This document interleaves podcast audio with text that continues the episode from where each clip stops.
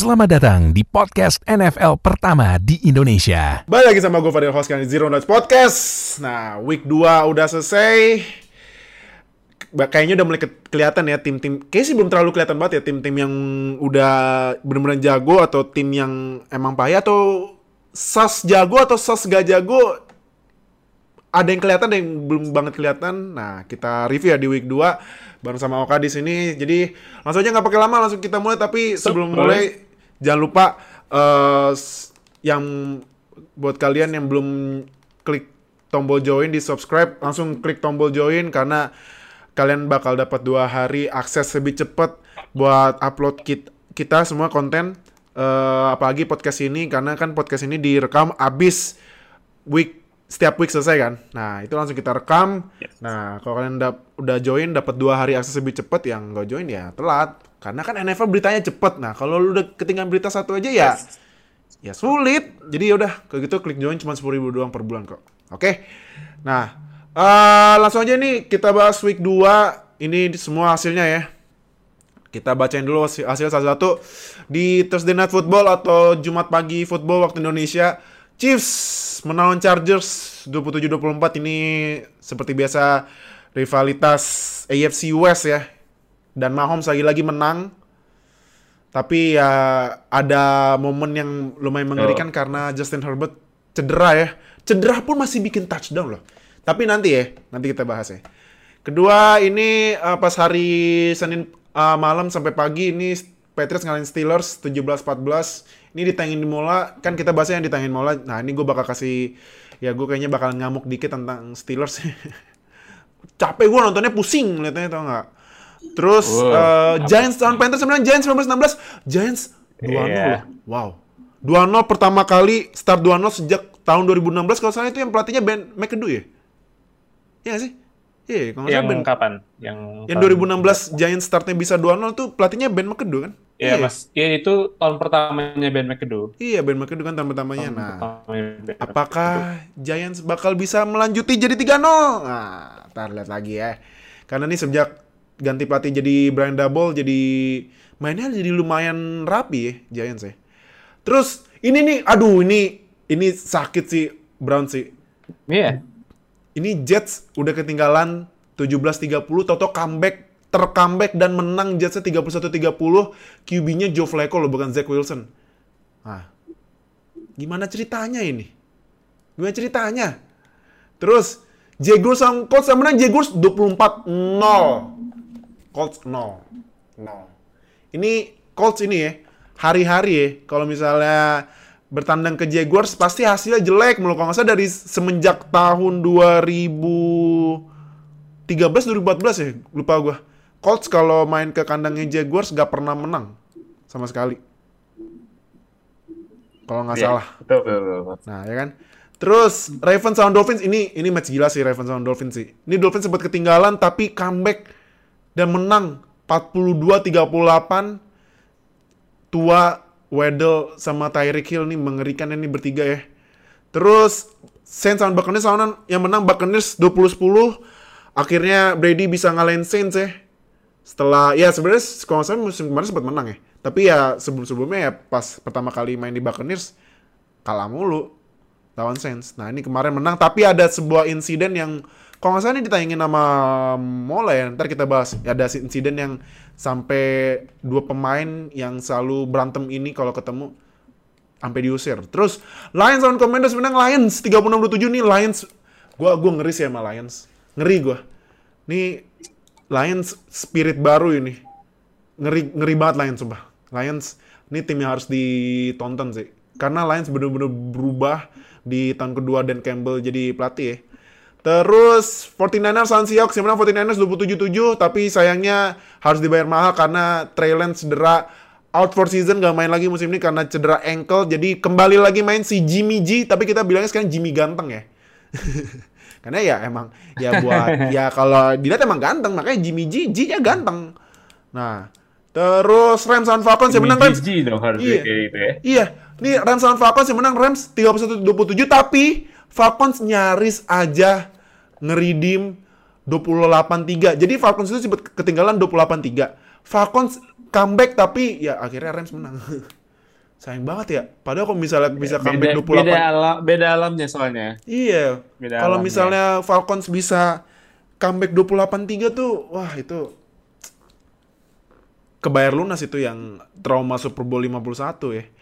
Terus Raiders lawan Iya. Cardinals yang menang Cardinals ini lagi-lagi ter-comeback ya Cardinals sempat ketinggalan tapi comeback karena di overtime eh, pas Derek Carr passing ke Hunter Renfro, Renfro-nya fumble terus bolanya diambil sama eh, pemain Cardinals dan touchdown. Sedih banget dan Renfro pas itu dua fumble ya. Aduh, sedih banget. Ya. Terus Broncos lawan Texans, Texans tim jagoannya Oka, Broncos menang 16-9 tapi kalau gue baca berita ini eh, fansnya Broncos ngebu Russell Wilson ya. Padahal udah diajakin let's ride tapi masih belum terlalu berasa nih let's ride cuma 16 poin loh lawan Texans. Nah, terus Cowboys lawan Bengals yang yang menang Cowboys 20-17 game pertama tanpa Dak ya. Sekarang uh, QB1-nya Cooper Rush. Ini terakhir-terakhir Cowboys bikin field goal dan masuk. Jadi Bengals 0-2. Joe Burrow 2 game udah kena sack 13 kali. Gila ya OL-nya nih. Kenapa lagi nih OL-nya nih? eh? Kasian nih Joe Burrow nih. Ntar to, to, ya amit-amit ya. Takutnya kalau kalau OL-nya nggak dibenerin ya bisa alamat kayak Andrew Luck ini. Main bagus, tapi OL-nya ambiar. Itu. Terus eh, di pertandingan ini ya eh, prime time Packers lawan Bears yang menang Packers 27-10 ya lagi-lagi Rodgers eh, ini ya sebagai ownernya Bears Owner ownernya Bears menang Chicago. 20 menang 24 kalah cuma 5 loh lawan Bears gila ya Rodgers terus eh, ada dua match di Monday Night Football temen-temennya nih Bills buset nih Bills gak pakai ampun ngebantai Titans 41-7 Eh, Josh Allen hat trick ke Stephon Diggs emang nih duo menurut gua menurut gua sih duo QB wide terbaik di NFL saat ini ya. Saat ini, saat ini ya. Sama terakhir Eagles lawan Vikings yang menang Eagles 24-7 ini juga Eagles lumayan ngeri ya. Karena Jalen Yeah. Hurts mainnya sangat bagus menurut gua walaupun ya ada interception juga tapi ya menang intinya kan. Jadi udah itu eh, semua skor di week 2 kita mulai aja di pertandingan pertama. Nah, ini nih yang tadi gue bilang eh Chargers lawan Chiefs eh, Herbert yang pas di foto ini dia cedera ribs ya, tapi setelah dicek itu dia cederanya nggak terlalu parah, tapi mau dicek lagi apakah di week 3 dia bisa main apa enggak. Tapi eh, cuman menurut lu Kak, eh dari match kemarin itu gimana? Kalau dari Chiefs-nya deh. Eh, dari Chiefs-nya gue rasa masih as all, eh, as good as always. Cuman Hmm. mereka masih eh, mencari-cari nih top target mereka setelah tinggal Tyreek. Oh iya iya. Karena- Ah. Kan biasanya kan Mahomes Tyreek tuh eh, Kelsey kan. Mahomes ta- iya iya. um, Tyreek Kelsey. Tapi Mhm. sekarang Tyreek pergi, uh, Mahomes masih belum dapat nih siapa yang pengganti di posisi wide receiver. Mhm. Karena kemarin juga dia ngebagi-bagiin bolanya ke beberapa wide receiver yang dipunyain Chiefs. Mhm. Nah, dia bagi-bagiin ke Juju, ya enggak enggak gitu berhasil sih sebenarnya. Juju, uh, Marcus Valdez Scantling, terus ada, ada juga sama Michael Hartman. Itu jadi dibagi-bagi sama Mahomes. Dan kayaknya Mahomes juga masih belum dapat lah ritmenya selain sama Kelsey. Iya. Jadi jadi dia tuh masih eh mencari figur yang bisa diandelin sama Mahomes untuk eh, bisa jadi threat-nya di posisi wide receiver dari Kansas City Chiefs. Mhm. Jadi ya kemarin sih Mahomes still pretty good, not great, tapi ya ini kayak masih dalam proses uh, meraba-raba juga sih dari Mahomes dan juga Chiefs untuk Hmm. men- uh, untuk nyari siapa sih yang bisa jadi WR satunya mereka saat ini. Hmm, oke. Eh, ini juga kemarin kalau dilihat Juju di passingnya dikit banget ya. Padahal kan kalau lihat dari ininya, kalau lihat dari preseason juga eh, banyak eh, katanya Juju WR satunya ini WR satunya Chiefs. eh, Chiefs. Tapi kalau dilihat kemarin itu Juju cuma 3 catch 10 yard doang. Ya, Hmm. It's weird ya. Iya. Makanya kan. Jadi masih terlalu ini ya, terlalu bergantung sama Travis Kelce ya. Kayaknya Iya. masih belum It's- dapet juga nih sama Juju ya. Sebenarnya sih Chiefs itu kan juga uh, udah kemarin sempat ngedraft uh, pemain yang digadang-gadang bakal jadi kayak the next Tyreek Hill ya, Mhm. Sky Moore. Waktu itu, tapi Sky Moore masih cedera sekarang, jadi mereka masih kekurangan that, that speed gitu. Mhm. Kayak kecepatan yang Tyreek Hill tuh benar-benar uh, kayak dirinduin sama Kansas City Chiefs. Jadi emang itu sih yang kurang saat ini. Mereka butuh uh, pemain dengan speed yang luar biasa. Mhm. Oke. Nah, buat Chargers nih. Kemarin kan Chargers nggak ada Keenan Allen jadi bergan- apa lemparnya ke Mike Williams dan Mike Williams mainnya bagus ya. Cuman Herbert cedera. Menurut lu eh, dan kemarin juga dia main dia nahan tangan kirinya kan ke yang sakitnya kan nahan terus. Iya. Nah, eh menurut lu ini kalau misalnya Herbert main lagi dan eh, misalnya ditambah extra padding, Herbert harus dipaksa main lagi nggak? Apa ternyata harus di bench dulu? Karena kan kayaknya sih ada rumor-rumor mau di jangan dimainin dulu pakai backupnya Chase Daniels ya yang QB terkenal dengan duitnya yang banyak tapi mainnya cuma backup aja nyantai aja duitnya banyak Dia, dia itu uh, Chase Daniels itu dapat julukan sebagai pemegang clipboard termahal di dunia. nah ya benar Karena karena kalau misalkan bench QB kan cuma megang ini kan papan jalan terus habis itu Mhm. kayak oh ntar nunjukin si QB starternya oh ini lu ntar passing ke sini atau ntar lu lihat defense-nya kayak gini kayak gitu-gitu. Mhm. Oke. Nah, tapi kalau lu jadi Chargers nih ya, dengan kondisi Herbert sekarang, menurut lu Herbert, lu bakal paksa Herbert main apa enggak? Apalagi Eh. ini ya ya masih dua week awal lah ya, tapi kan ya ya ininya kan peringkatnya masih eh, lumayan naik naik turunnya kan masih kenceng ya volatilenya ya. Gak dibanding sama udah week-week abis tengah yang 3 per 4 week kan udah mulai agak susah ya walaupun lu winning streak tapi atas juga winning streak juga bakalan susah naik kan. Tapi kalau lu jadi Chargers lu bakal paksa Herbert main gak dengan tambahan extra padding gitu di bagian yang kena itu. Ah, gua nggak tahu seberapa parah cederanya Justin Herbert ya. Mhm. Ada yang bilang bisa sampai 4 sampai 6 weeks, which is Mhm. itu lumayan parah sih kalau menurut gua. Itu udah masuk kategori injured reserve karena udah lewat dari tiga, tiga ah, IR itu kalau nggak salah 3 weeks ya atau 6 weeks gitu. Jadi udah masuk kategori ah, injured reserve dan dengan jadwal mereka ya tadi gue juga baru lihat jadwalnya dari Chargers dalam lim, ah, lima pekan ke depan karena mereka week 8 adalah bye week. Nah, lima week ke depan mereka akan lawan Jaguars, oh lawan Texans, ah, lawan Browns, Broncos dan juga Seahawks. Gua rasa eh, walaupun cederanya lumayan parah, Herbert akan minta untuk main. Dia Mhm. akan maksa, dia akan maksa untuk main karena gue yakin ini adalah kesempatan bagus buat Chargers buat improve their records. Mhm. Karena ya let's be real, gue juga nggak yakin dengan Texans, dengan tim gue sendiri. Iya. Lalu juga Jaguars, gue belum melihat mereka as a real contender, apalagi cuma satu-satu lah ya, cuma gitu doang. Gue Mhm. nggak khawat, nggak terlalu khawatir. Iya. Seahawks juga termasuk sebenarnya termasuk enteng buat mereka. Iya.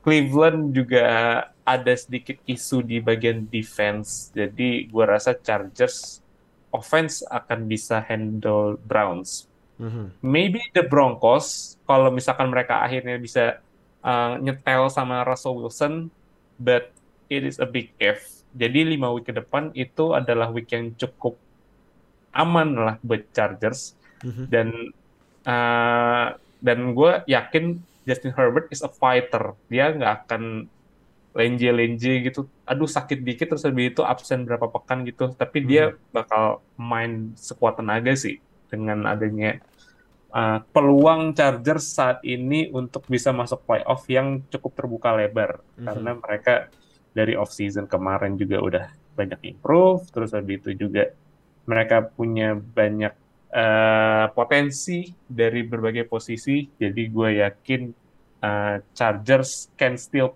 uh, can still play well Mhm. uh, even though Justin Herbert lagi uh, questionable dalam beberapa pekan ke depan. Hmm, oke oke oke. Ah, next ya, next game. Nah ini Steelers lawan Patriots. Kalau dari lu dulu, ntar habis itu gua. Dari lu dulu gimana? Eh Patriotsnya, kalau Patriotsnya. Sebenarnya untuk kedua tim ini offensive play call-nya agak agak sus semua ya. Karena Iya sih, bener ya gue. Iya, bener-bener. karena Lanjut, kalau lanjut, lanjut. kita lihat itu juga Mac Jones kemarin mainnya juga nggak begitu bagus sebenarnya. Hmm. Ya walaupun nggak sejelek Trubisky, cuman kayak Mac Jones tuh masih kebawa kebiasaan lamanya dia tuh dia terlalu banyak uh, read-nya tuh terlalu banyak yang short sama medium pass. Jadi dia Mhm. belum terlalu berani untuk uh, kayak lobbing the lobbing the ball down the fields. Tapi dia at least didn't make many mistakes. Tapi ini sebenarnya game yang diputusin oleh defense sih karena uh, both offense juga nggak bener-bener nyetel. Walaupun satu pembedanya adalah Damian Harris kemarin juga mainnya uh, really good Mhm. uh, ada satu touchdown dan juga 71 yards, 71 yards rushing. Jadi ini sebenarnya game yang bisa uh, goes to both sides, tapi ya New England dengan quote unquote meta winner, winning mentality mereka, mereka bisa pulling through the win Mhm. kan ini sama lawan Steelers. Dan kayaknya seingat gue New England lawan Pittsburgh itu rekornya kayak timpang banget ya, timpang ke New England. Siapa? New England lawan uh, Patriots lawan Steelers, Iya, iya. Hmm. termasuk rekornya lumayan timpang ke Patriots gitu. Iya. Patriots karena ya Brady. Ya, dulu ada Brady kan, dulu ada Iya. Brady. Brady Brady ke Steelers tuh basically Rodgers ke Bears. nah, ya benar. Ya, Benar-benar. ya, ya, but ya still good win lah. Uh, W is a W buat Patriots. Cheers. Oke. Steelers, aduh, gua gua gimana ya? Gua muak gua nonton Trubisky bener deh. Muak, Wow, capek gua. Lebih cepat dari dugaan gue ternyata. Capek. Habisnya gini loh. Ya, oke, eh, Trubisky jadi QB1 Steelers, tapi at least mainnya jangan check down mulu. Kenapa sih? Ya ampun. Nih ya, WR udah open jauh. Nih gue gua ngeliat nih Pickens, George Pickens tuh gue sampai heran, kok George Pickens jarang banget dapet bola ya. Padahal kalau lihat dari film study itu George Pickens kebuka mulu. Tapi Trubisky-nya check down ke Fairmouth mulu bang. Ya Allah, ya Allah. Udah gitu, third apa misalnya kalau lagi third and long, check down. Ya ampun. Cuman gini ya, cuman kalau kalau misalnya siapa lagi yang harus gue salahin ya? Gue salahin o- offensive coordinator si Matt Canada. Play call-nya tuh aneh, aneh, aneh banget. Ya karena ya karena dia suruh check down, Trubisky juga ikutan check down. Gitu. Jadi eh kombinasi dua itu yang bikin offense-nya Steelers tuh uh, padahal defense-nya udah nge-carry ya. Itu Minka lagi-lagi interception loh. Iya. Dia dia dia took it personally kemarin tuh gara-gara nggak masuk NFL top 100 tuh. Udah interception Oh, dua iya. kali loh. Ya kan? Iya, iya. Nah. Tapi udah defense udah nge-carry tapi ya kemarin gak, ada- gak ada TJ Watt, gak ada yang bisa gak ada yang bisa ngejar Mac Jones juga. Bahkan Cam Hayward aja di Cam Hayward aja dimatiin loh sama Cole Strange. Cole Strange. Dijagain sama Cole Strange yang orang-orang pada bingung itu siapa itu rookie yang diambil sama Patriots di first round kemarin. Tapi ya defense-nya udah mainnya lumayan, offense-nya mandek. Gue jadi emang harus saatnya ke start Pickett sih daripada ya seasonnya akhirnya losing record di era Tomlin ya. Udah Jadi- saatnya untuk Pickett mah jadi starter di week 3. Udah saatnya sih kalau menurut gue. Karena Hmm. karena ya menurut gue WR Steelers mainnya udah mayan, tapi Trubisky-nya check down check down mulu. Jadi ya pada kesel juga. Ini bilang, nih gue udah wide open tapi lu lemparnya eh, check down, WR-nya yang lu lempar check down udah dikepung. Gimana sih gitu. Jadi ya emang udah saatnya start Pickett sih. Kalau nggak week 3, week 4 deh. Kalau nggak week 3-nya main setengah ya dah. Abisnya kan week 3 nih ntar uh, lawan Browns nih di Thursday Night Football. Nah, OL-nya udah hancur gitu, ketemu Browns yang ada Miles Garrett, tapi kemarin katanya Jadav- Jadavion Clowney nggak main. Nah, tapi ketemu seorang Miles Garrett yang salah satu pass rusher terbaik gitu di NFL. Ah, ngeri lah gua kalau misalnya Trubisky kena gebuk mulu sama bisa kali kayaknya si Mas Garrett bikin tiga sack ke Trubisky. Jadi udahlah start Pickett aja lah, buruan. Udah. Di situ sih kalau gua.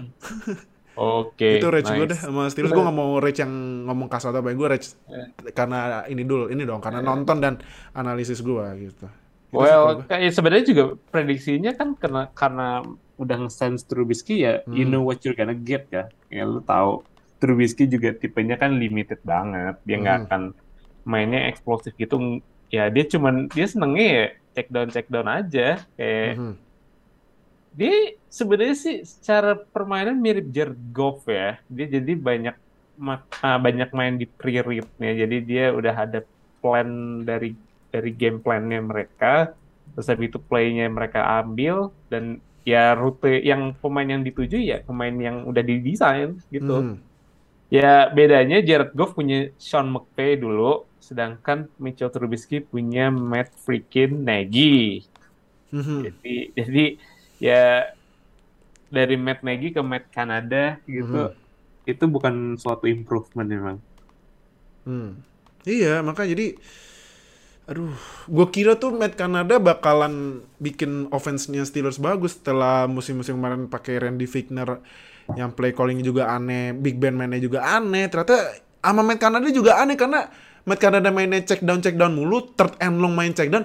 Lu kira ini mainnya college football yang kalau jo- gocek-gocek orang pada nggak susah tackle, ini NFL beda. Ya Gitu. Pemain NFL tuh ganas-ganas, Iya ganas-ganas. Lu mau check down juga apalagi third and long ya kena gebuk. dikejar, dikejar. Gimana sih? Bingung gue sama Matt Canada. Ya udah pecat aja Matt Canada deh cari cari ke siapa QB yang eh, karirnya nggak bagus tuh jadiin offensive coordinator tuh kemarin bagus tuh siapa? Eh, OC-nya Ken Dorsey, OC-nya siapa? OC-nya Bills ya? Bacanya Pet, eh, Bills ya. Bills. Kan Ken Dorsey dulu pernah jadi QB tapi karirnya nggak bagus jadi OC-nya Bills.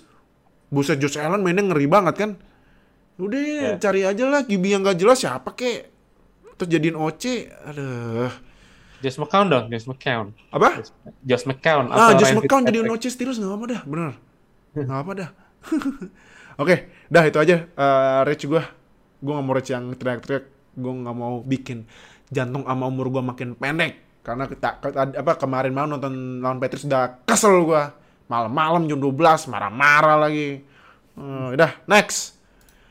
Nah, ini nih, ini rivalitas NFC South ya. Yang sangat pedas, apalagi ini yang, yang lagi dorong nih berdua nih. Yang Duh, dorong karena Le- eh, Martian Latimore eh, ini kan ngekonfront Brady. Habis itu Fournette sempat ini kan ngedorong Latimore, tiba-tiba Mike Evans datang ngedorong lebih kenceng. Latimore sampai jatuh dan berantem yang jadinya ini rivalitas bapak dan anak. ini ini konteksnya adalah Mike Evans ini sering dijagain sama Marshall Latimore kalau misalkan Bucks lawan Saints dan Ma- Marshall Latimore selalu ngetempel ketat Mike Ya. Evans sampai dia nggak bisa banyak Iya. nggak bisa banyak gerak lah nggak bisa banyak gerak. Iya. Makanya Latimore kalau kalau di NFL udah bilang jadi Mike Evans daddy. Ini bokap ya udah bokap. Bokapnya Mike Evans. Nah, ini Mike Evans durhaka ini bapak sendiri dilem didorong ya. Makanya Iya. kemarin apa eh, kemarin udah beritanya Mike Evans resmi dapat hukuman satu pertandingan ya. Nah, Iya.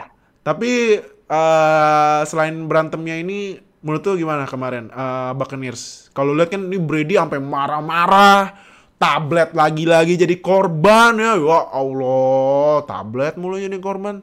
Karena frustasi offense yang gak gerak-gerak sampai third quarter ya poinnya cuma tiga ya nggak salah ya. Sampai apa first half ya poin cuma tiga gue lupa. Nah, tapi kalau lihat dari Iya, sampai Buccaneers quarter gimana nih? 4 itu Ka- dia baru baru Iya, ada ah. touchdown. Nah, Buccaneers gimana nih menurut lo? Apalagi ini Mike Evans gak main dan baru aja Buccaneers ngesign Cole Beasley loh. Karena WR-nya uh, Buccaneers abis. Mike Evans Abis. hukuman, Gatwin sama Julio Jones cedera. Tapi Iya. gimana kalau dari Buccaneers kemarin pas match lawan Saints? Ya jelas kelihatan dampaknya ya kenapa uh, mereka sampai nge Cole Beasley ini sebenarnya juga dampaknya dari pertandingan ini karena Mhm.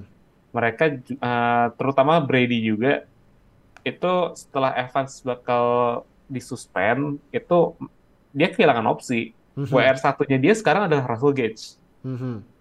Russell Gage dan at least dengan ada Cole Beasley dia bisa ada pemain slot yang bisa diandalin jadinya Eh, dan itu kelihatan kemarin Brady butuh banget selain Mike Evans juga butuh banget Chris Godwin karena Chris Godwin juga salah satu run uh, run, uh, run route runner terbaik juga in one of the best route runner in NFL jadi Tom Brady butuh Mhm. pemain yang kayak gitu makanya kemarin juga dia agak kesulitan buat uh, nyari WR yang bisa dijadiin tumpuan buat dia karena Mike Evans kemarin di- eh, kayak lu udah bilang tadi dia ditempel ketat sama Marshall Latimore Ya. jadi jadi untung dia bisa dapat eh, Bruce Perryman buat touchdown kemarin tapi overall eh, masih kurang meyakinkan sih Tampa Bay saat ini karena kayak pekan lalu juga sebenarnya Tampa Bay juga is not really that impressive ya karena di, Mhm. mereka ngelawan Cowboys yang nggak ada Dak Prescott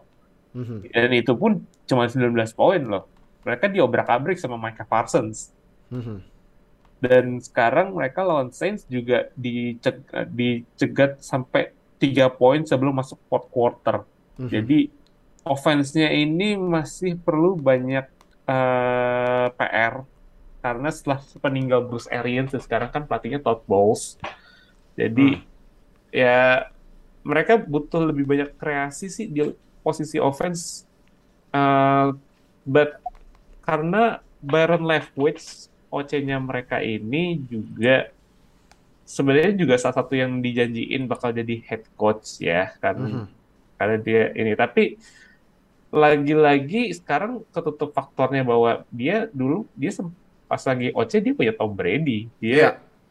jadi offense-nya bisa dibilang kayak dapat Tom Brady effect Mhm. lu nggak akan kelihatan bagus karena lu udah karena lu punya QB sekelas Tom Brady dan sekarang offense-nya mereka sekarang banyak yang kesendat karena kekurangan wide receiver pass, dan pass Mhm. catcher lah in general. Dan running back running game mereka juga nggak begitu lancar. Mereka cuma punya uh, Leonard Fournette buat jadi andalan mereka. Jadi ini PR mereka sekarang ada di offense. Karena defense gue yakin mereka uh, really uh, doing a good job uh, overall dari pass rushing sampai defensive back. Tapi offense terut uh, Brady juga harus coba untuk uh, mencari apa yang salah dari offense yang mereka dari dua pekan pertama. Karena lawan Cowboys yang sebenarnya secara defense mereka not really that good sama lawan Saints yang juga terbantu sama Winston yang bikin tiga interception. Mhm. Jadi ya banyak yang harus dikerjain saat ini. Hmm, oke oke. Saints gimana? Nih, aduh, Winston maksa main nih dia kan katanya cedera punggung ya, tapi dipaksa main Iya. ya. Ya, it is what it is. Hmm. Kayak lagi-lagi Winston balik lagi ke zaman uh, pre-lasiknya James Winston. Iya, malah malah kasih masih kasih touchdown ke Buccaneers gimana ini? Nggak Ini- move on dari tim lama. But uh, funny things ya, uh, sesuatu yang lumayan lucu adalah tadi lu uh, sekarang juga masih nunjukin F, uh, Mike Evans dan Marshall Latimore kan.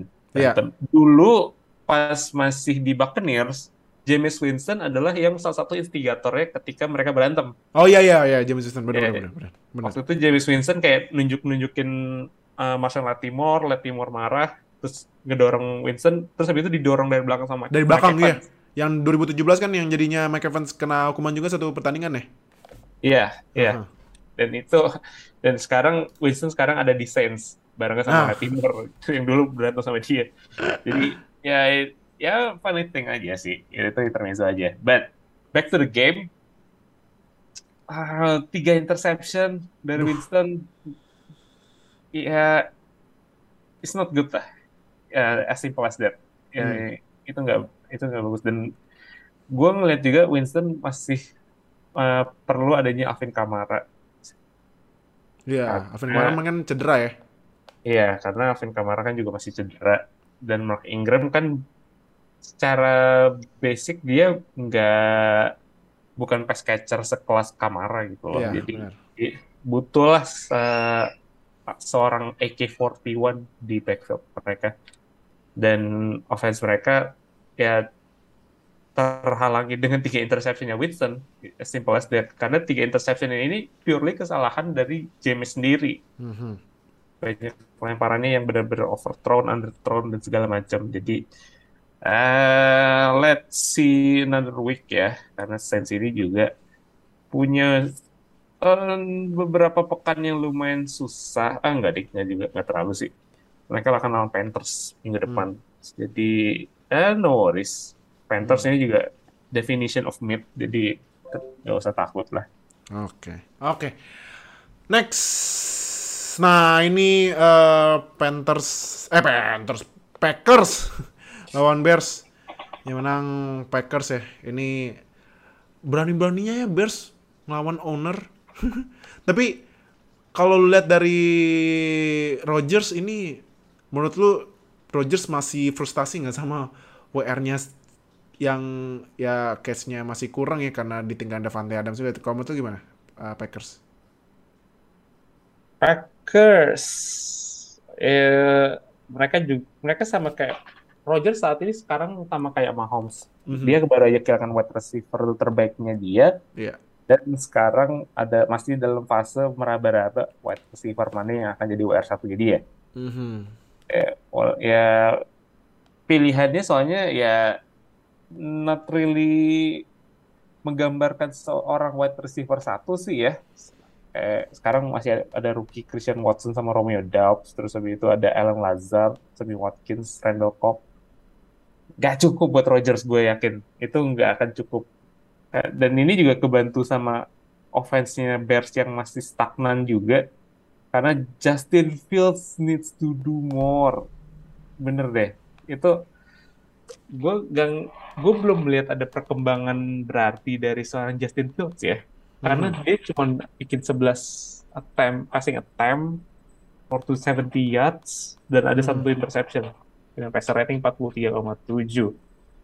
Jadi eh gue masih harus masih mau melihat more from Justin Fields. Ini Mhm. jelas bukan kaliber seorang first round quarterback. Dan ini eh iya dia mungkin bisa nyalahin wide, res- eh, wide receiver dia yang secara talent kurang ya.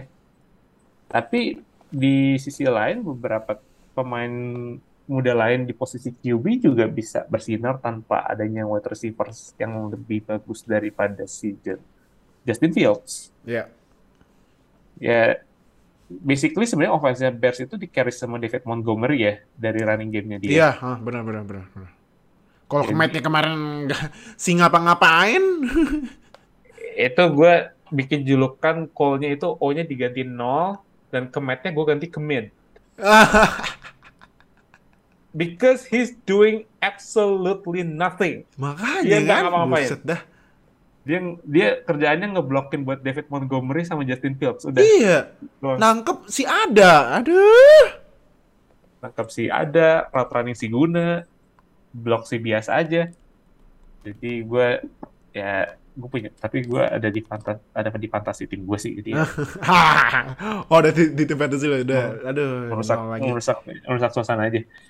But in the end offense-nya Bears ini juga sangat mengecewakan kemarin tuh. Mhm. Karena uh, satu TD-nya dari Justin Fields juga kan sebenarnya uh, mm, ya itu juga sebenarnya buah dari kesalahan defense Packers juga kemarin. Mhm. Habis itu mereka nggak bisa ngapa-ngapain selama first half Mhm. dan cuma ada field goal tambahan doang dan overall itu sangat sangat mengecewakan. So Ya, itu dia dari review gue. Oke. Eh, Bears. Nih Oh, Bears tadi udah ya, Bears ya? Sekalian. ya? Hmm. Oke. Eh, next ya. Nah, ini Buffalo Bills 41-7. Tim terbaik di NFL? Absolutely, yes. Kenapa? Well, saat ini lo punya Josh Allen, of the Mhm. best, uh, if not the best quarterback di NFL. Lo punya Stephon Diggs, arguably the best wide receiver in NFL. Dan lo punya defense uh, yang kemarin juga bikin berapa turnover dari Ryan Tamit Hill? Mhm. Empat, empat turnovers. Dua interception dan dua fumbles. Jadi, ya, gue ya, gue merasa Buffalo Bills sesuai prediksi adalah strong contender buat Super Bowl. Karena timnya lengkap banget dari offense ke defense. Aha. Ya, gue nggak usah komentar lebih jauh lagi karena orang udah pada tahu lah Josh Allen gitu loh, Stephon Diggs, terus habis itu Dawson Knox gitu, terus lo lihat defense-nya ada Von Miller, Gregory Rousseau, terus habis itu Micah Hyde, Jordan Poyer, ya that's that's that's a Hmm. Super Bowl team menurut gue, that's a Super Super Bowl team. Next, kalau menurut lu ini Allen sama Dix duo QBWR terbaik di NFL nggak? Ini kemarin dia hat trick loh. Gila ya. Hat trick. Banget. Gak ada ampun sedikit pun ke Titans. Menurut lu Allen Dix duo WR QB terbaik di NFL? Dia QBWR maksudnya. QBWR terbaik di NFL. Kalau as a duo, absolutely. Ah. Ya, karena satu MVP candidate di posisi quarterback Josh Allen dan juga Mhm. yang satu lagi adalah wide, mungkin juga wide receiver terbaik di NFL, Stephon Mhm. Diggs. Jadi ya hampir bisa dibilang no debate lah. Oke. Titans ini Luar biasa. ini menurut gua Tannehill semenjak ditinggal Arthur Smith tuh Arthur Smith yang sekarang jadi head coach Falcons ya. Jadi balik ke setelan pabrik ya, jadi Tannehill versi Dolphins ya. Karena Dolphin. Iya. Nih eh sempet di post sama NFL Memes ya.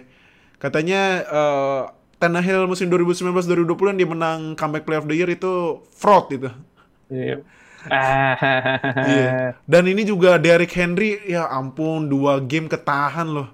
Kacau banget nih menurut tuh Titans.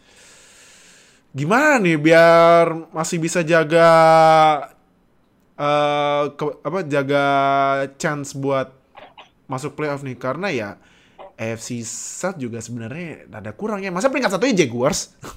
Tapi menurut Titans gimana? Kan saya sudah bilang dari awal. Tennessee Titans itu adalah tim yang bisa dikatakan sebagai fraud. Tannehill is a fraud. Derrick Henry is a fraud. Terus lebih itu Robert Woods is a fraud. Mhm. Mike Vrabel is a fraud. Semua semua satu tim itu itu adalah tim yang definisi mediocre. Gue udah gue udah bilang dari awal. Gue nggak gue nggak pernah takut sama Tennessee Titans. Mhm. Tennessee Titans tuh kemarin seat satu tuh kebetulan aja sih karena waktu itu kan juga uh, division winnernya kayak Bills terus habis Chiefs habis itu Bengals Mhm. mereka kepleset sendiri mereka kepleset sendiri dan somehow someway Titans bisa masuk satu. Mhm. tapi giliran mereka lawan Bengals mereka habis. Mereka mereka keteteran. Mereka nggak punya siapa pun selain Derrick Henry. Mhm. AJ Brown waktu itu cedera. Terus habis itu dipaksain main. Tannehill itu is not your answer. Dia cu 2019 tuh cuman sebentar doang dia bagusnya habis itu dapat kontrak habis itu deep dia gagal. Gagal total. Jadi gue gue sih merasa senang dengan sebuah jatuhnya dari sebuah Tennessee Titans ya. Karena gue sudah memprediksi ini dari awal. Jadi ya I told you so. I told you so. Ah, makanya gue kan kemarin pas musim 2019-2020 ya gue ini kan gue sempat bilang ya gue salah eh, karena bilang Tannehill jelek ya. Tapi ya abis ditinggal Arthur Smith ya gue balik lagi ke yang awal ya Tannehill overrated jadinya. Ingat Harusnya- mereka mereka bayar Ryan Tannehill itu hampir 120 juta. Iya makanya dan Tannehill balik ke setelan pabrik kayak Dolphins. Dan Derek eh, Derek Henry udah dapet, udah dapat kontrak ya Derek Henry ya? Belum ya? Udah, udah, udah. udah. Udah kan? Jadi ah, dan kemarin juga Malik Willis akhirnya main ya. Jadi menurut lu apakah saatnya Malik Willis? Nah, berarti ini udah ada dua tim yang kayaknya harus ganti ke rookie ya. Mhm. ya kan? Steelers Yes. dari Trubisky ke Pickett dari pada berkuar tuh fansnya dan Titan juga fansnya udah mulai berkuar ya. Tr- eh, Tannehill ganti ke Malik Willis. Menurut lu udah saatnya Malik Willis main? Gua rasa Titans akan nunggu satu atau dua game lagi ya dengan Mhm. melihat performanya Tannehill. Mhm. Karena Tannehill ini juga salah satu investasi yang lumayan mahal buat mereka. Jadi emang uh, jangan tiba-tiba langsung di bench juga. Harus Aha. ada alasan yang kuat. Jadi gua kalau gue jadi Titans, gua akan melihat di game selanjutnya dari Titans di week 3 dan gue harus uh, tahu kalau Tannehill is not the answer. Kalau misalkan iya itu beneran kejadian waktu Mhm. lawan Raiders, Mhm. Raiders itu adalah musuh mereka di week 3. Mhm. Uh, let's say week 3 atau week 4 lah ya. Antara lawan Raiders week 3 atau week 4 akan bertandang di Colts di Ya. Indianapolis. Kalau Tannehill sampai bermainnya jelek lagi di salah satu week itu, Mhm. Pickett is Pickett is eh Pickett. Willis, Uh, Willis. Malik Willis is the answer. Hmm, oke oke. Oke. Oke oke. Sip. Ah, terakhir. Ini nih Eagles lawan Vikings. Eagles menang. Ah, tapi kan ini kan Darius Slay. Ntar kita bahas Darius Slay karena dia kemarin membuka ah, wisata Pulau Slay ke Justin Jefferson. tapi kita bahas ke QB dulu. Ini Jalen Hurts yang dia sempat selebrasi gini ya. Deal with it, oke? Siapa yang masih ngeremehin gua? Hah? Nah. Jalen Hurts menurut lu eh sebenarnya kalau dia comeback player of the year kayaknya nggak mungkin ya karena kan musim kemarin dia sebenarnya juga ya ya lumayan lah ya karena dia juga ibaratnya menurut gua J- Lamar Jackson versi NFC ya. Tapi Ya. menurut lu nih Jalen Hurts bisa nggak eh bawa Eagles ke top di NFC East nyaingin Giants ya karena kan Commanders sama Cowboys kan lagi satu-satu nah cuman Giants doang yang masih unbeaten sama Eagles kan menurut tuh Jalen Hurts bisa nggak? Gua rasa dengan divisi NFC East sekarang bisa ya. Iya Karena karena eh gue masih belum yakin dengan Giants, Mhm. Cowboys kehilangan Prescott, terus habis itu Commanders still Commanders. Eagles dari awal udah diunggulin buat jadi salah satu kandidat untuk menang NFC East ya. Mhm. Ya, mereka sama Cowboys. Ya, saat ini squad mereka yang bisa dibilang paling rata dibandingkan tiga tim lainnya di NFC East. Jadi Jalen Hurts juga mainnya dalam berapa dalam dua pekan terakhir juga really good dan dia nunjukin kayak skill utamanya dia adalah dia adalah scrambler. Dia adalah basically Lamar Jackson NFC East kan iya iya, bener iya dari musim kemarin kan dari musim kemarin itu Mhm. dan itu yang harus jadi andalannya dari Nick Sirianni untuk jadi offense Eagles dan Mhm. sekarang dengan tambahan AJ Brown yang jadi andalannya Jalen Hurts juga Mhm. dan gua dan gua rasa secara overall weaponnya dari Eagles ini salah satu yang lumayan underrated ya Mhm.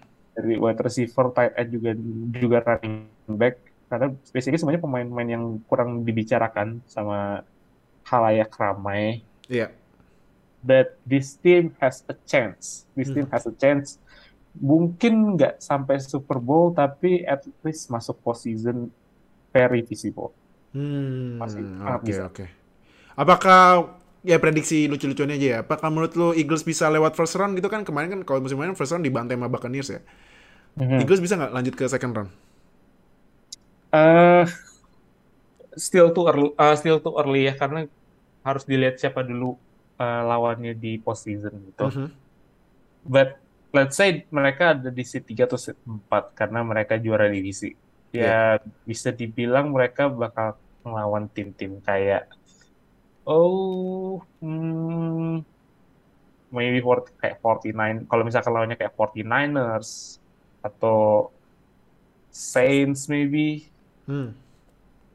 Ya masih masih terlalu dini lah untuk kita ngejudge dari Eagles. Tapi dal- kalau misalkan kita lihat dari dua pekan terakhir, ya fansnya Phillies pantas buat optimis dengan Mhm. adanya Eagles. Oke. Eh, nah ini nih yang sekarang jadi eh, fotonya nih.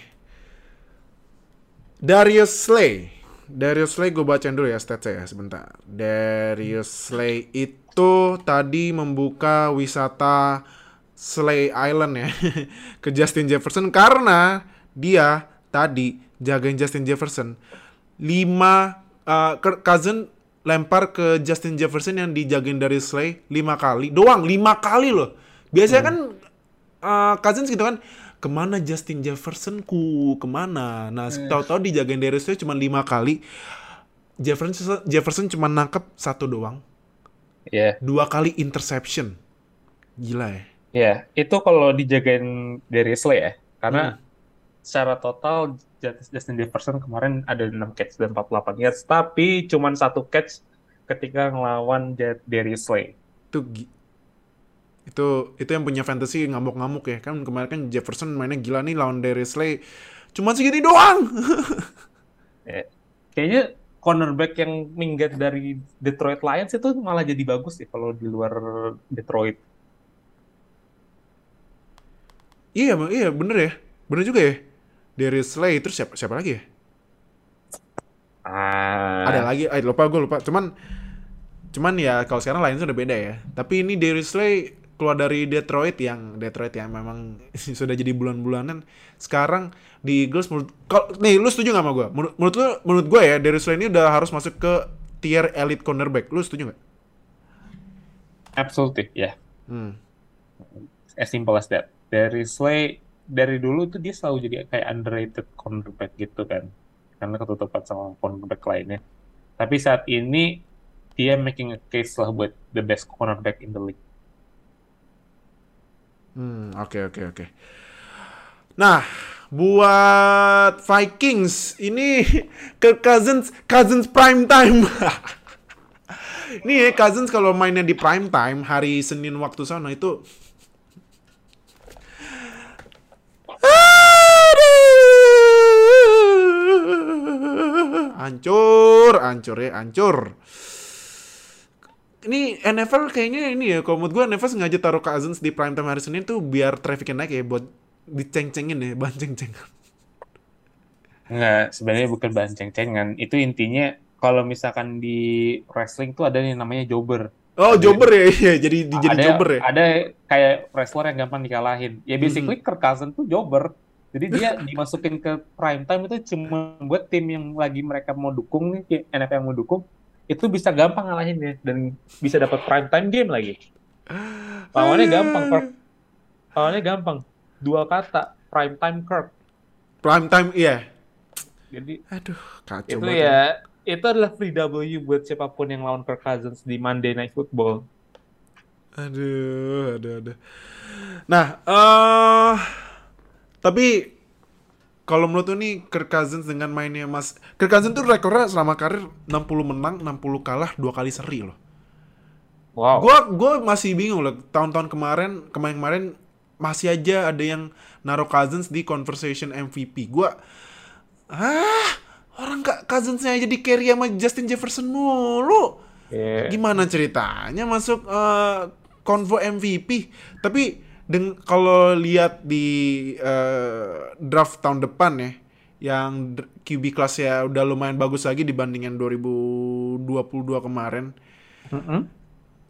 Apakah udah saat dengan GM yang baru ya sekarang GM barunya Vikings menurut lu apakah saatnya Vikings move on dari Cousins supaya Justin Jefferson yang nggak pindah deh biar betah bisa nih Justin Jefferson tahun depan udah kontrak year loh nah dan menurut gua Ah. Justin Jefferson bakalan jadi diva diva wide receiver ya akan datang suatu waktunya di mana Justin Jefferson akan minta banyak duit ya. Pasti Iya. itu akan datang. Gue rasa Justin Jefferson siapa pun QB-nya dia akan tetap bertahan. Mhm. but untuk Kirk Cousins ini adalah tahun pembuktian ya. Dia dapat OC eh dapat head coach yang mantan OC-nya Rams Kevin O'Connell Mhm. dan itu dianggapnya itu mungkin salah satu alasan kenapa orang banyak yang ngebet Kirk Cousins buat jadi MVP front runner karena dia dapat ya head coach yang turunannya McVay Turunannya dari McVay karena tahun kemarin jadi offensive coordinatornya Rams yang bikin Cooper Cup kesetanan ya. Ya, a- absolutely correct. Ya, jadi Kirk Cousins ini masih ban- harus ada pembuktiannya. Dia harus bisa menang di prime time games dan critical situation. Mhm. dan ya kalau misalkan ditanya up, statsnya kayak gimana sih? Ya tadi lu udah bilang uh, Monday Night Football di stage yang banyak ditonton orang dia malah gagal terus. Kayak kayak rusa di centerin gitu loh. Kayak bingung mau ke mana.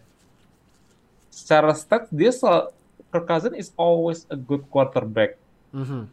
but that's it kayak statsnya is only empty stats gitu loh Iya. jadi emang masa makanya itu banyak yang masih ngeraguin kemampuan dari Kirk Cousins untuk jadi elite quarterback karena ini karena dia main di prime time aja gak sering kalah gitu loh Iya. apalagi main di playoffs main di Super Bowl Mhm. That's a different thing gitu loh that's a, that's much that's much bigger uh, much bigger game dibandingkan prime time di Monday Night Football Iya. jadi ya itulah eh, saat ini posisi Kirk Cousins yang tahun terakhir ya tahun terakhir ya tahun terakhir atau Kirk Cousins itu kon aduh jatuh. Maaf, maaf, maaf. Gak apa-apa. Eh, Kirk Cousins itu kontraknya buat tahun ini ya. Kalau nggak salah tahun terakhir deh. Kalau nggak salah ya. Kita Iya. gue cek dulu deh. dan, dan Kirk itu fully guaranteed it- ya Iya, ya fully iya, karena agennya pinter. Tiga kali fully guaranteed. iya Gila ya. Vikings Iya, udah tau kibilannya ada yang bagus tapi agennya Anda yakin Iya. Cousins sudah berpengalaman di Vikings. Berilah duit yang full buat uh, Cousins. Ntar Cousins bakal membawa tim Anda ke promise land. Ya promise, do- promise, promise doang, janji doang, realisasinya nggak ada.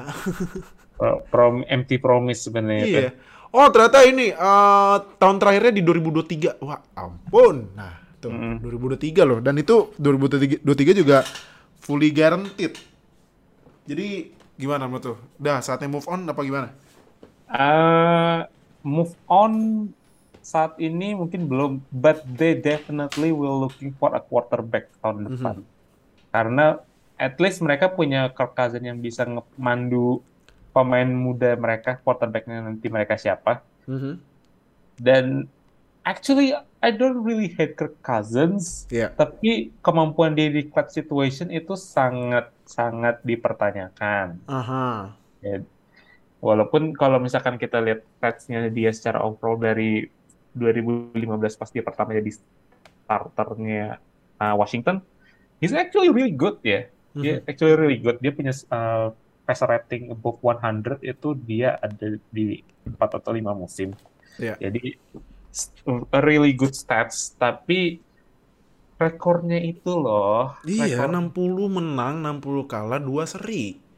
kalau kalau winning record adalah uh, ukuran buat kita ngukur kemampuan QB, it- dia itu a perfect definition of mid gitu loh. Iya. Ya, ya cuman kan emang ya sebenarnya kalau menurut gue QB jangan lihat winning record ya karena ya kan ada pengaruh dari defense dia timnya QB-nya itu kan. Cuman ya ya ya pasti kan winning record juga ya ada juga yang ngeliat gitu. Yeah.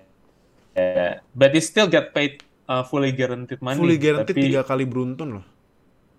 Tiga kali beruntun. Gila ya, gue aja gue aja sampai sekarang main dulu loh, tiga kali fully guaranteed Vikingsnya selama Vikings sama sama Cousins belum pernah Eh. masuk play eh, belum pernah masuk playoff ya. Terakhir playoff itu kan pas ini pas zamannya eh Case Keenum yang ini eh, Minneapolis Miracle ya. Oh, sebenarnya sih playoff-nya tuh mereka sempat masuk playoff 2019 ya. Yang Saints kalah lagi sama Vikings. Oh iya iya iya benar benar benar benar benar benar benar benar benar. Oh iya iya iya iya. Ya, ya berarti Vikings bayar uh, Cousins tiga kali fully guaranteed playoff cuma sekali loh. Iya. Dengan weaponnya selama Cousins itu udah ada Stephon Diggs, Adam Thielen, sekarang dikasih ini, sekarang dikasih uh, Justin Jefferson, masih juga nggak masuk playoff kemarin kan. Aduh, kalau misalnya masih uh, jadi mid Cousins ya, udahlah, mendingan move on aja lah ya, karena Iya. uh, apa market QB tahun depan nih bagus-bagus suruh bench aja satu tahun juga nggak apa-apa kan ya kan Mm. nah, Iya, jadi betul. ya mungkin ambil selain CJ Stroud sama Bryce Young ya ya Will, Will Levis yang dari Kentucky atau misalnya kalau mau yang rada lincah gerak-gerak dikit si dari Miami itu nggak salah namanya Anthony Richardson ya dan lain-lain dan ntar kalau kalau draft masih lama nyantai aja masih sih oke Hmm. Ya, jadi itu buat pembahasan week 2 kita ini. Oke, sekarang kita kasih lihat nih ini peringkatnya ya. Jadi peringkat sementara setelah week 2 ini AFC North kita nggak usah eh, eh, seb- eh, kita sebutin aja ya nggak apa-apa ya. Steelers pertama, Steelers, Ravens, Browns rekor sama dan terakhir Bengals nih mabuk di ketularan Rams ya, tapi Rams kemarin menang. Tapi kan ya ya ini Bengals ketularan mabuknya jadi 0-2 nih. Karena Burrow jadi terpongkeng-mongkeng ini ya. Terpincang-pincang Burrow karena OL-nya udah kayak pintu koboi. Udah kayak ini apa eh, kon. Kon di asal lewat aja udah. Konnya cuman gitu doang. Terus AFC East ini dua tim yang lagi hot-hotnya ya Dolphins sama Bills di 2-0. Satu eh, terus Patriots eh, satu-satu sama Jets satu-satu kemarin Jets menang ya. Berarti ini AFC East kemarin menang semua ya. Hmm, ya. Patriots kan menang, Jets menang kan comeback, Bills bantai, Dolphins juga comeback kan. AFC South ini uh, sebuah pemandangan yang sangat langka ya. Jaguars pertama. Tahun berapa ini ya? Terakhir ya pas Jacksonville. Jacksonville. iya. Nah, Texans dengan rekornya 3 ini mau ngerecokin aja nih angka belakang nih sama Colts 0-1-1 0-1 Titans yang Talent Colts-nya. Iya, Titans yang menghadeh ini 0-2 dan AFC West yang masih belum kelihatan banget ya mandi darahnya ya. Ya kemarin udah Chiefs lawan Chargers ya udah ya. Mhm. Nah, eh tapi ya kan kalau nggak salah AFC West yang lawanan sesama divisi baru kemarin ya. Chiefs lawan Chargers ya. Chiefs Chargers sama em, minggu lalu Oh, Chargers Raiders. Raider. Yang menang Chargers ya, yang menang Raiders. Chargers ya kan. Iya. Ini eh, Chargers eh Chiefs masih unbeaten, Chargers Broncos 1-1 sama Raiders 0-2. NFC North yang em, yang kayaknya peta peta ininya udah agak-agak rata rata dikit ya. Vikings, Packers, Lions, Bears 1-1 rekornya. Di NFC East yang gue masih kaget ya ini Giants 2-0 bisa-bisanya ya Giants 2-0 Eagles 2-0 Commanders 1-1 dan Cowboys 1-1 NFC South ya itu-itu lagi lah ya. Buccaneers 2-0 Saints-nya 1-1 Panthers dan Falcons. Hari-hari ini berdua tim kompakan mulu jadi jelek di NFC South ya dan terakhir NFC West yang juga ini masih lumayan ketat ya 49ers, Rams, Seahawks, sama Cardinals masih satu-satu. Jadi itu uh, review kita di week 2. Thank you yang udah nonton di YouTube. Thank you udah dengerin di Spotify. Thank you Oka yang udah join. Jangan lupa uh, seperti biasa subscribe, klik lonceng sampai subscribe biar nggak ketinggalan sama NFL di Indonesia. Like, comment, share video ini. Jangan lupa klik join di samping subscribe yang nonton di YouTube karena kalian mendapat du- ha- dua hari akses lebih cepat dari upload reguler kita. Dan thank you yang udah nonton dan dengerin. Sampai ketemu minggu depan di week 3 review ya. Dadah semuanya. Bye. Terima kasih telah mendengarkan podcast NFL pertama di Indonesia. Sampai jumpa di podcast edisi selanjutnya.